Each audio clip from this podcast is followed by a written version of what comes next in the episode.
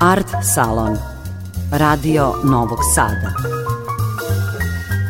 Umetničke ideje, mišljenja, kretanja i poetike.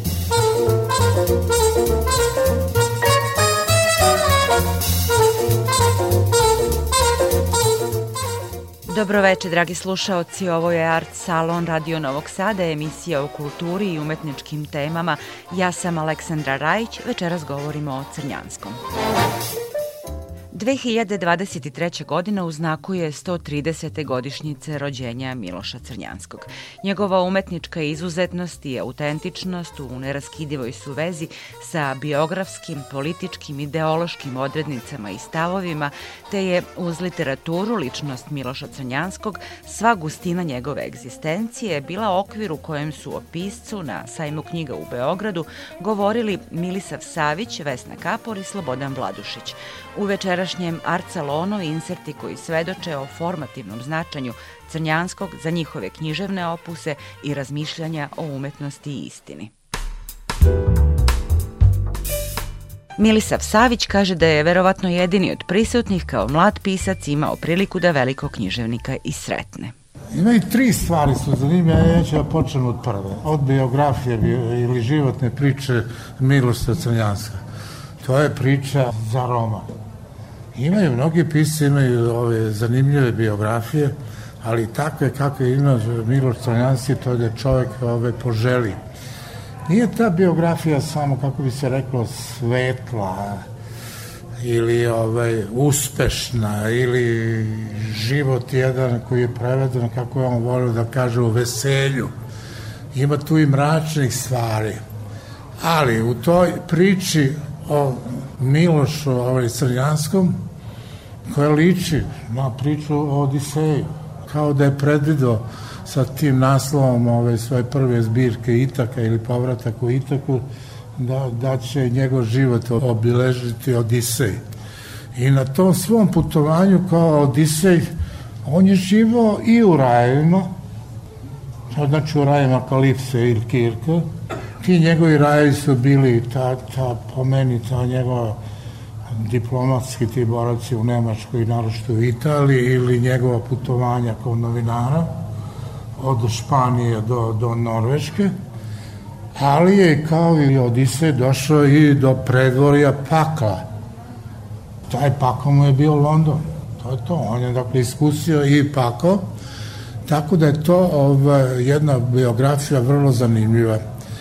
Moglo bi se reći da je to biografija sa happy endom, da, on se ipak vratio ovaj, u Itaku, ostao je veran svojoj Penelopi, iako je bio ovaj, nestašan u životu, voleo je, to je poznato, da koketuje i da se udvara ovaj, ženama, to se vidi iz njegove proze, u tome uživa, kao, kao svaki ovaj, muškara sa egom, ali ipak je vida ostala njegova ovaj, verna Penelopa i on je ostao veran nju, dakle on je zaista nju voleo. Ima još jedna zanimljiva priča, to možemo se vratimo kasnije u to njegove biografije, da je on ovaj, u poslednje godine života ili poslednje 20 godina strahao da će ga likvidirati neka od tajnih službi. Ne samo naša udba na prvom mestu, nego i engleski MI6, tad nije CIA bilo nešto u povoju kad je on ovaj, ovaj, tada ovaj, živo, nego KGB. E, svi su govorili da je on ovaj, paranoičan, nije on bio paranoičan. Kad se samo setimo tih vremena, ili to njegovo vreme su obeležile mnoge likvidacije istaknutih umetnika i pisaca i on koji se zamerio mnogima, je stvarno strahovao za svoj život. On je govorio, kaže, dovoljno samo malo da vam posole, kaže, jelo. Kaže, i vi odoste, ovaj, naravno. Ta priča njegova, ovaj, njegov strah, on je umro sa strahom, nije on umro srećan, odmah to da znate. Ta priča je u stvari priča o jednom vremenu koju smo mi zaboravili. Odavno se zaboravili, to je vreme programa, samo, jer znate koliko, koliko su ubili pisaca fašisti, koliko ove komunisti i naši, ovaj, pogotovo sovjetski. To je to. Miloš Crnjanski ovaj, sa svojom pojom ovaj, kad se pojavio, ja ga tako zamišljam, tu se videlo da, da, da, je, da je pisac.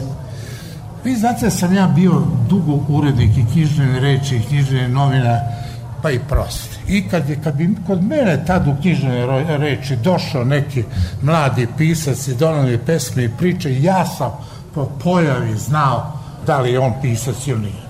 Ne može bre svako da bude pisac, mora da izgleda po mom ubeđenju kao je pisac. Recimo kad sam vidio Biljanu Jovanović, koja je sad postala kultno ime filmisa, ja sam znao da je to pisac. Da on ne opisujem kako je izgledala i, i na osnovu čega sam ja shvatio da bi... E, Crnjanski je, tako ga ja zamišljam, kad se on pojavio ne znam sa svojim pričom, o pričama gde je prvo sarađivo, to zna Vladuši, da li u Hrvatskoj ili negde, oni su videli da je to pisac, lep, mlada, kočapar, nadodubar, svađali se. To je pisac.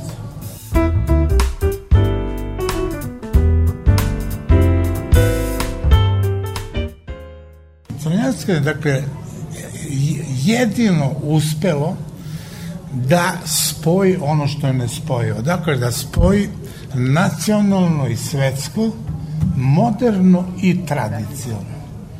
I zato je platio veliku cenu. Dakle, njega nacionalisti nisu voleli. Nisu ga voleli jer su ga zbog pre svega njegovi inovativnih forme, da, da kažem. Kako može da se voli roman o hipoborecima? Kako da može da se voli Itaka u kojima imate kosovski ciklus u koji se veliča sirotinja, ne obilić. Ne, dakle, oni nacionalni mitovi, na primjer, ne, jedna potpuno druga strana kosovskog mita, nisu volili čoveka koji je bio svetski put i čoveka u čijoj prozi u putu topika su bili Rim, Berlin, kasnije na kraju života London, dakle svet, nisu volili čoveka koji je bio poliglota. Dakle, to je sve nacionalistima bilo trn u oku i manje više nisu ga prihvatili. I danas ga, ja mislim, prihvatili, prihvatili na pogrešni ovaj način i ne onako kako treba. Modernice ga nisu volili pre svega zato što je on već, pa i u, u prvim knjigama postoje ove uvodi srpske teme. Šta su sobe? Nego srpska tema, nacionalna tema. Jer se sećate kako je Marko Risić pisao drugoj knjizi Sjoba koja se pomeni bar, ne znam da se složiti Vlađu Vestan, ništa nešto od udara na knjižanom ovaj, nivou od prve. Ovde je to loša knjiga. Nisu nikad volili čak ni njegovu antologijsku pesmu Lament na Beograd, jer je to jedna sofisticirana patriotska pesma. Nisu volili ni njegove, moramo da priznamo, desničarske stavove, nisu volili njegov dendizam, nisu volili njegovu pritajenu želju da bude omiljen pisac kod dvorski dama. Zato je on pisao te neke jeftinije romane koje nešto danas pokušavaju da, da revalorizuju kap španske krvi i ona jedan nezavršeni roman. Znači, to su bili razlici koji su, dakle, ove modernisti nisu volili. Sad možete da mislite jednog veliko pisa koji je, koji je ove, dugo, dugo godina, dakle, bio između Čekića i Nakonja. S jedne je strane udara, ovaj, ajde, simbolično, recimo, Marko Risić, Mada moram priznati da je Marko Risić napisao najbolji tekst o njemu. Taj tekst Tri mrtva pesnika to je tekst pisan iz ljubavi prema izneveranoj ljubavi. Crnjanci se ljutio na tekst, to je pohvala. Ja bih bio srećan kad bi doživao takav tekst, jako je negativ. Prvo je Marko Ristić je bio sjajan, sjajan esejista i tako dalje. Crnjanski, tako i umra. Ja mislim da sam ovde jedini ove, koji je sreo ove, crnjansko živo. Ja se njega sećam, dakle, ja sam imao 23 godine, 22, kad je on došao u dom omladine, tu je bio Vojko Đogo, Rajko Nogo, ne znam, Simon Simović, mnogi od tih nisu živi. On je bio jedan uplašeni starac koji nije mogu da veruje da neki mladi pisci, eto su došli da čuju Miloša Crnjanska. On je mislio prvo da je proskriban i kod čitalaca, a ne samo na političkoj liniji, jer ti godina su, tad kad je on držao ove, to predavanje, to znate svi, imao je prvi nastav u Kolarcu i kad mu se sučrano rekao omakla ta rečenica, a sve ćemo nastaviti ono što smo započeli pre 30 godina kad je on tu gostao, on je bio napadnut u ovim zvaničnim, dakle partijskim organima kao ovaj pisac eto koji želi da nastavi to staro, poraženo vreme. On je tek sad crnjanski, to mi je drago, tek u poslednjih deset godina dobio slavu. Tad, kad je umro, on nije bio slavan kao danas i on je još bio osporavan. Vesna Kaporo o ličnom i pripovednom odnosu prema Milošu Crnjanskom te o njegovom lirskom zaveštanju.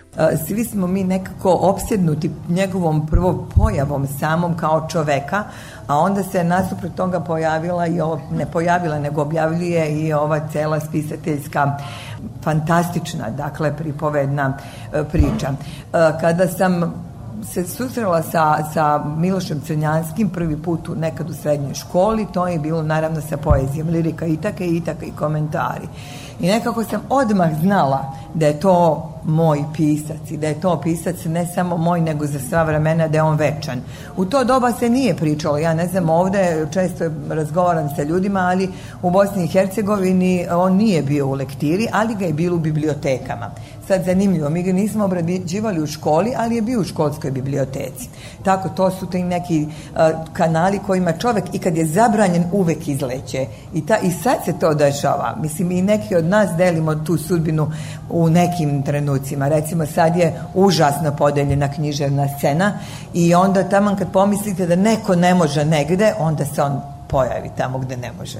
A, mislim, mi smo svi odgovorni pred, o, evo, kad prvo pogledamo a, biografiju Miloša Crnjanskog, cele te priče, zabranu tu i priče oko njega, dakle, svi mi koji se bavimo kulturom, mislim da bi trebalo na bilo kom nivou, ili kao urednici, kritičari, pisi, trebalo bi da imamo na umu to u priču o zabranama i o, o tome da nije dobro biti cenzor. Dakle, bilo koju ideju čovjek da zastupa nije dobro biti cenzor ako ste deo javnog društvenog aparata. To ne bi smelo da se dešava, naročito u takozvanoj demokratiji.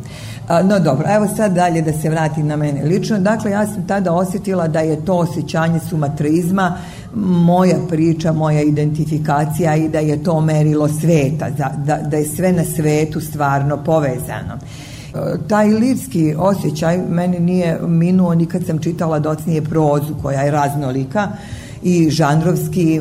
Uvek je to ta ista priča o tome da mi u svesti i verujem svakome to da je sve na svetu povezano, šta god da se, koja god tema da se obrađuje Crnjanski tu uvek ostao veliki. I e, sve što je on napisao zapravo jeste čista lirika i u prozi i to je ono što ga izvaja i čini najvećim. E, nekako sam osjetila čitajući tada Andrića i Crnjanskog da Andrić priča i govori iz, a Crnjanski o i meni je to kao ovaj srednjoškolcu tad bilo nekako veliko otkrovenje, ta podela pisaca u mom svetu, iz mog ugla, da neko govori iz priče, iz samog, iz, iz teme, iz čoveka, a neko o. E, naravno, savršeno oba toka, razumela sam, ali moram priznati da mi je Crnjanski bio bliži. Što se tiče same moje poetike, mislim on je moj sagovornik i to nije nikakav epigonski odnos i to je možda najlepše Ana ovaj, Gvozdenović napisala u predgovoru za knjigu Nebo tako duboko, to nije nikakav epigonski odnos, nego prosto je on moj priziv, sagovornik. Ponekad recimo kad uh, mislim, kad sameravam kroz ono što pišem ovaj svet, onda pomislim da je bolje pozvati neku rečenicu ili misao ili scenu iz crnjanskovog opusa nego da sama nešto domišljam, ali to je isto jedna vrsta poštovanja i nekako jedna vrsta večnosti kroz koju koračamo. Ja sam malo romantičarski uvek raspoložena, ali to je zapravo i taj sumatreizam koji u meni ne posustaje.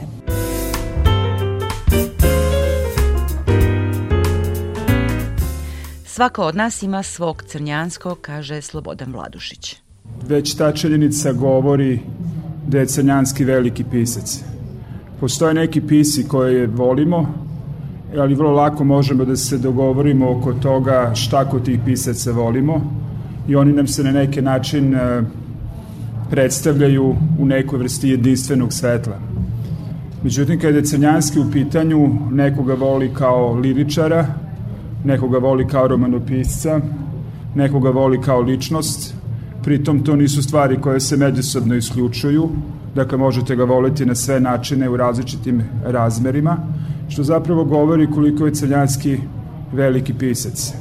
I nije slučajno zašto je Andrić na jednom mestu rekao da je jedino Crnjanski bogom dani pisac, odnosno pesnik u njihovoj, u njihovoj generaciji. Teško je zamisliti antologijskog romanopisca i antologijskog pesnika u jednoj ličnosti. A moglo bi se dodati još po nešto kada je Crnjanski u pitanju. Recimo, meni je on bio uvijek zanimljiv po tome što je nekako sam imao takav utisak, bolje osjećao epohu od svojih savremenika. Čak i onda kada je izgledalo da je u nekoj vrsti kontraritma sa vremenom u kome je živeo, on je bolje osjećao to vreme od većine koja ga je okruživala. Samo pogledajte 30. godine prošloga veka, to počinje onim razgovorom Miloša Cvenjanskog i Branimira Ćosića, razgovora koji je prilično neugodan bio, ja bih rekao, i Crnjanskom i Branimiru Ćosiću. Crnjanski mu odmah spominje zakon o štampi. Možete misliti kako je bilo Branimiru Ćosiću da razgovara sa čovekom kojemu u drugoj rečenici se pozove na zakon o štampi verovatno da mu zapreti da će ga tužiti ako je nešto pogrešno napiše i on kaže evo ti ne pišeš šta hoćeš, to ću da objavim, neću ništa ni da pipnem. Ali ta priča je zanimljiva zato što Branimir Ćosić primećuje kod Crnjanskog nešto što nije video kod drugih pisaca, ja bih rekao da nije video ni kod kog drugog od svojih savremenika, a to je neka borbenost Miloša Crnjanskog.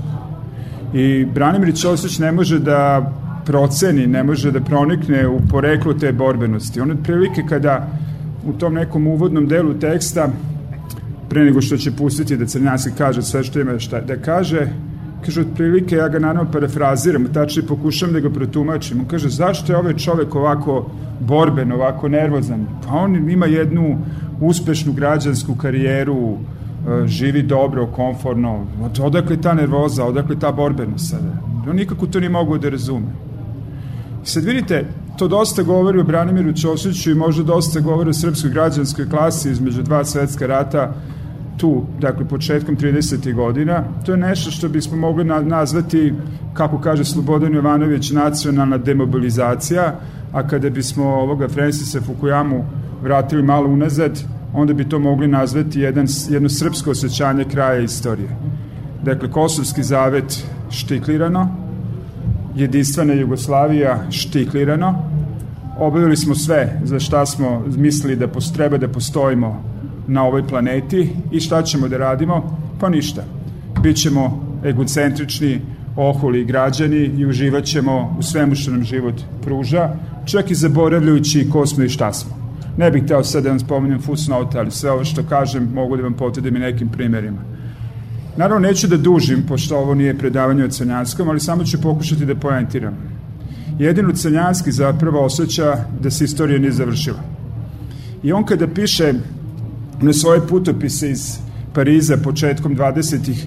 godina prošloga veka, on na jednom mesu samo kaže varate se ako mislite da je neka Makčalanu sve završeno. To je strahovito jaka rečenica. Varate se ako mislite da je neka Makčalanu sve završeno. Hoću da kažem da on na neki način se obraća srpskoj građanskoj eliti i kažem otprilike ovi, zaista mislite da je 918. godine nastupio kraj istorije i da sve što je važilo do 918. da treba da važe narednih 100, 200, 300 godina bez promene. I onda nakon toga kaže, ali evo, bugarska propaganda polako uspeva, a sve što znaju o nama znaju iz vremena pre 918. A što što smo sada, o tome ne znaju ništa zapravo. Dakle, evo, samo jedan primer. Crnjanski imao jedan izrazit osjećaj za modernost koji njegovi savremenici uopšte nisu imali. Dakle, on kada je polemisao sa Nolitom, iako je to zanimljiva polemika, zaista u tom prvom tekstu koji Crnjanski piše, mi postajemo kolonije strane sile, jedan je napisao, objavio 9. marta, ako se ne veram, 32. a drugi deo tog teksta 12. marta 32. Interesantno je da mu Milan Bogdanović odgovara 11. marta 32. godine u politici, iako u to prvom tekstu zaista Crnjanski nigde nije pomenuo Nolit i čak nije napravio ni aluziju na Milana Bogdanovića i Nolit. Tako da možemo da kažemo da je tu polemiku zapravo počeo Milan Bogdanović, a ne Crnjanski, tako bi možda bilo najpreciznije reći.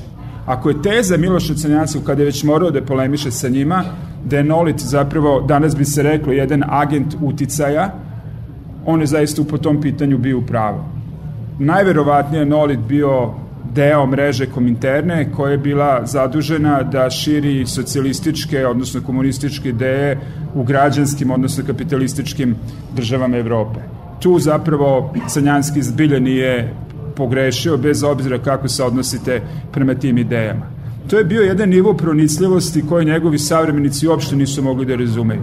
I mnogi od tih potpisnika te peticije ili od tog, ako tako mogu da kažem, te objave protiv Crnjanskog povodom te peticije su kasnije od istih tih komunista stradali, bili su ubijeni.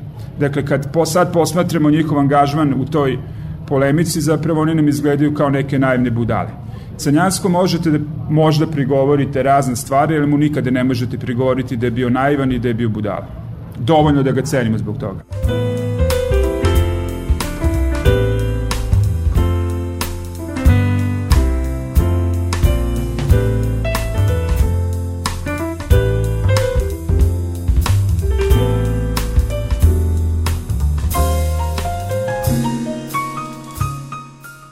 Dimenzijama života i dela Miloša Crnjanskog koji prevazilaze istorijski i poetski trenutak govorili su Vesna Kapor, Slobodan Vladušić i Milisav Savić. Crnjanski je bio moderni tradicionalista i tradicionalni modernista, kaže Vesna Kapor.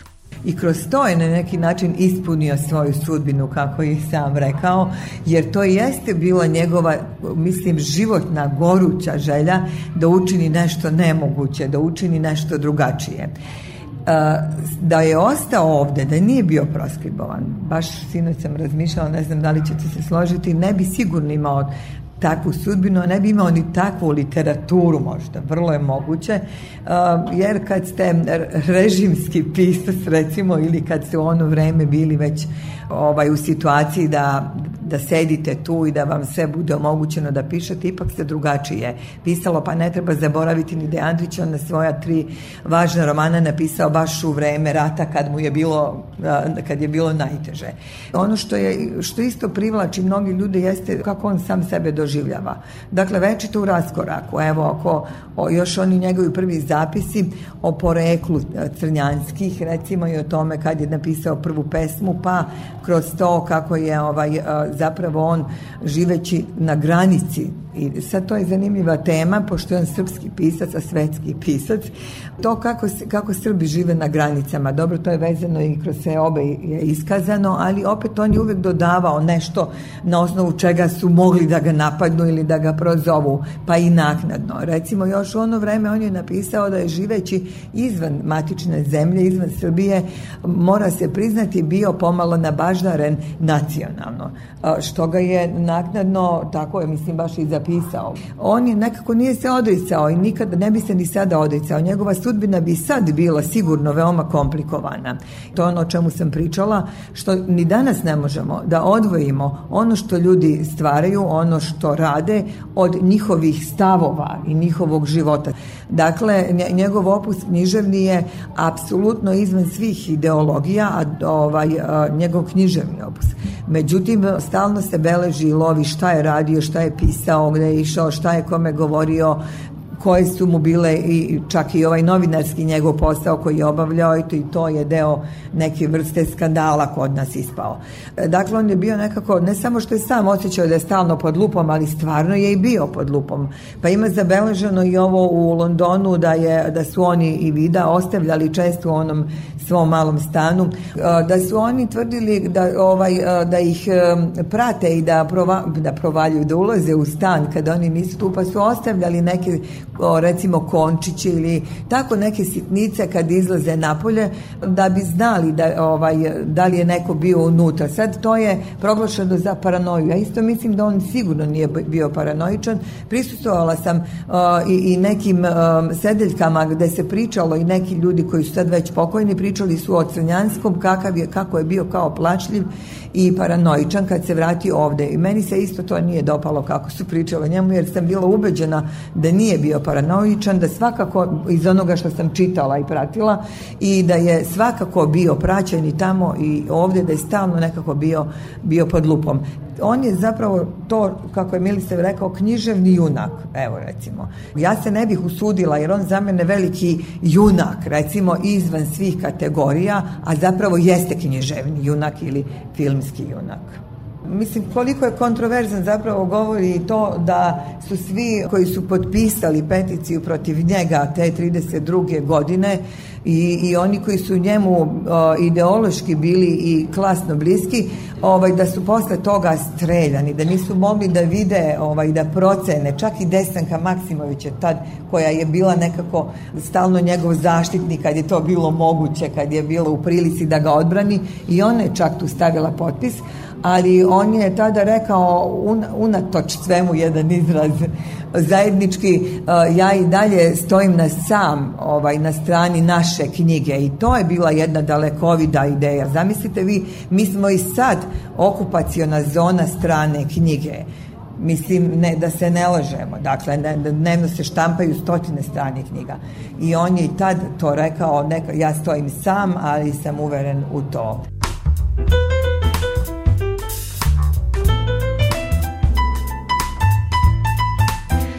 Crnjanski je bio pisac sa osjećajem za velike istorijske teme, kaže Slobodan Vladušić. Mnoge istorijske teme su danas zaista veoma opasne, a dobar deo pisaca ne želi da ima bilo kakve probleme u svom životu, odnosno želi da, ako tako mogu da kažem, ipak opstane u jednoj vrsti zone političkog komfora koji im omogućava da da to tako kažem, da sede na više stolice u isto vreme. Zbog toga možda i postoji neka vrsta otklona i prema nekim velikim istorijskim temama, ali i prema nekim periodima koje bismo mogli da povežemo sa vremenom u kome mi živimo. Tome nas na neki način poučava i Canjanski, gdje on je zapravo imao jednu osobinu koju je malo koji srpski pisac imao. On je zaista uspeo da svoj život uvek prikaže i predstavi kao epohalan život ne dakle kao svoj lični život, pa onda kažete ovaj život je važan zato što je moj, ova priča je privatna, ali ona je važna kao privatna priča, ne. Sanjanski je u svakom trenutku uspeo da svoj život prikaže kao epokalni život. I kada čitate recimo Hipeborejce, vi ćete zapravo videti jedan roman o jednoj Evropi koja nestaje. Ima jedna divna scena u tom romanu kada to rimsko društvo Miloša Canjanskog, jer Miloš Canjanski je junak tog romana, razgovaraju o jednom italijanskom kompozitoru Monteverdiju, ako se ne veram, i samo u jednom trenutku žena tog američkog novinara, kako Crnjansko uvek kaže, pisa knjige o papi, kaže, a ko zna gde ćemo mi biti za dve godine. Oni se neprekidno svađaju, neko od njih je levičar, neko je blizni desnici, neko je imamo tu dva, dva italijanska oficira, imamo jednu čerku jednog političara koji je migrant, dakle oni se uvek svađaju oko velikih tema kulturni figure Italije, ali u tom trenutku ta žena kaže nešto što ih sve objedinjuje. Gde ćemo mi biti za dve godine? I odgovor na to pitanje implicitno hiperborejci daju. Nećete biti nigde. Nestaćete. I zaista, veći deo tog rimskog društva Milosa Crnjanskog je stradao, posle 45. godine postaje jasno ono što je bilo, što se moglo naslutiti 918. godine, a to je da Evropa klizi u jednu vrstu periferije u svakom smislu, vojnom, političkom, ekonomskom, kulturnom, Pariz je bio svetska predstavnica 19. veka, ako bi neko hteo danas da kaže da je Pariz, ne biste ni P mogli da kažete, a ne prestonica i vidite taj trend se na kraju krajeva nastavlja to je ono što je Crnjanski anticipirao još dok je pisao dok je pisao roman kod hiperborejaca. Ja sam ga upravo zato iz simboličkih razloga čitao u jednom trenutku kada nisam znao šta će sa mnom da bude godinu dana nakon tog trenutka, a čitao sam ga 99. kada sam bio mobilisan.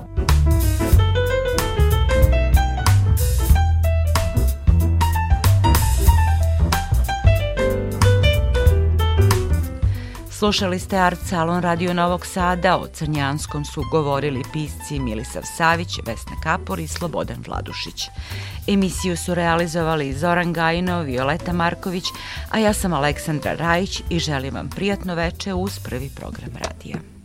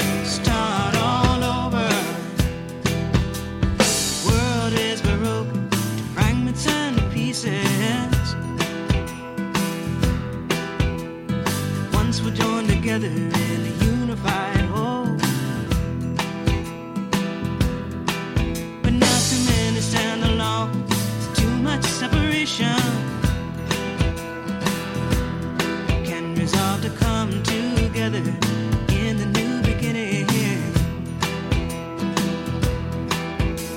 Start all over. Start all over. Start all over. Start all over. We can break the cycle.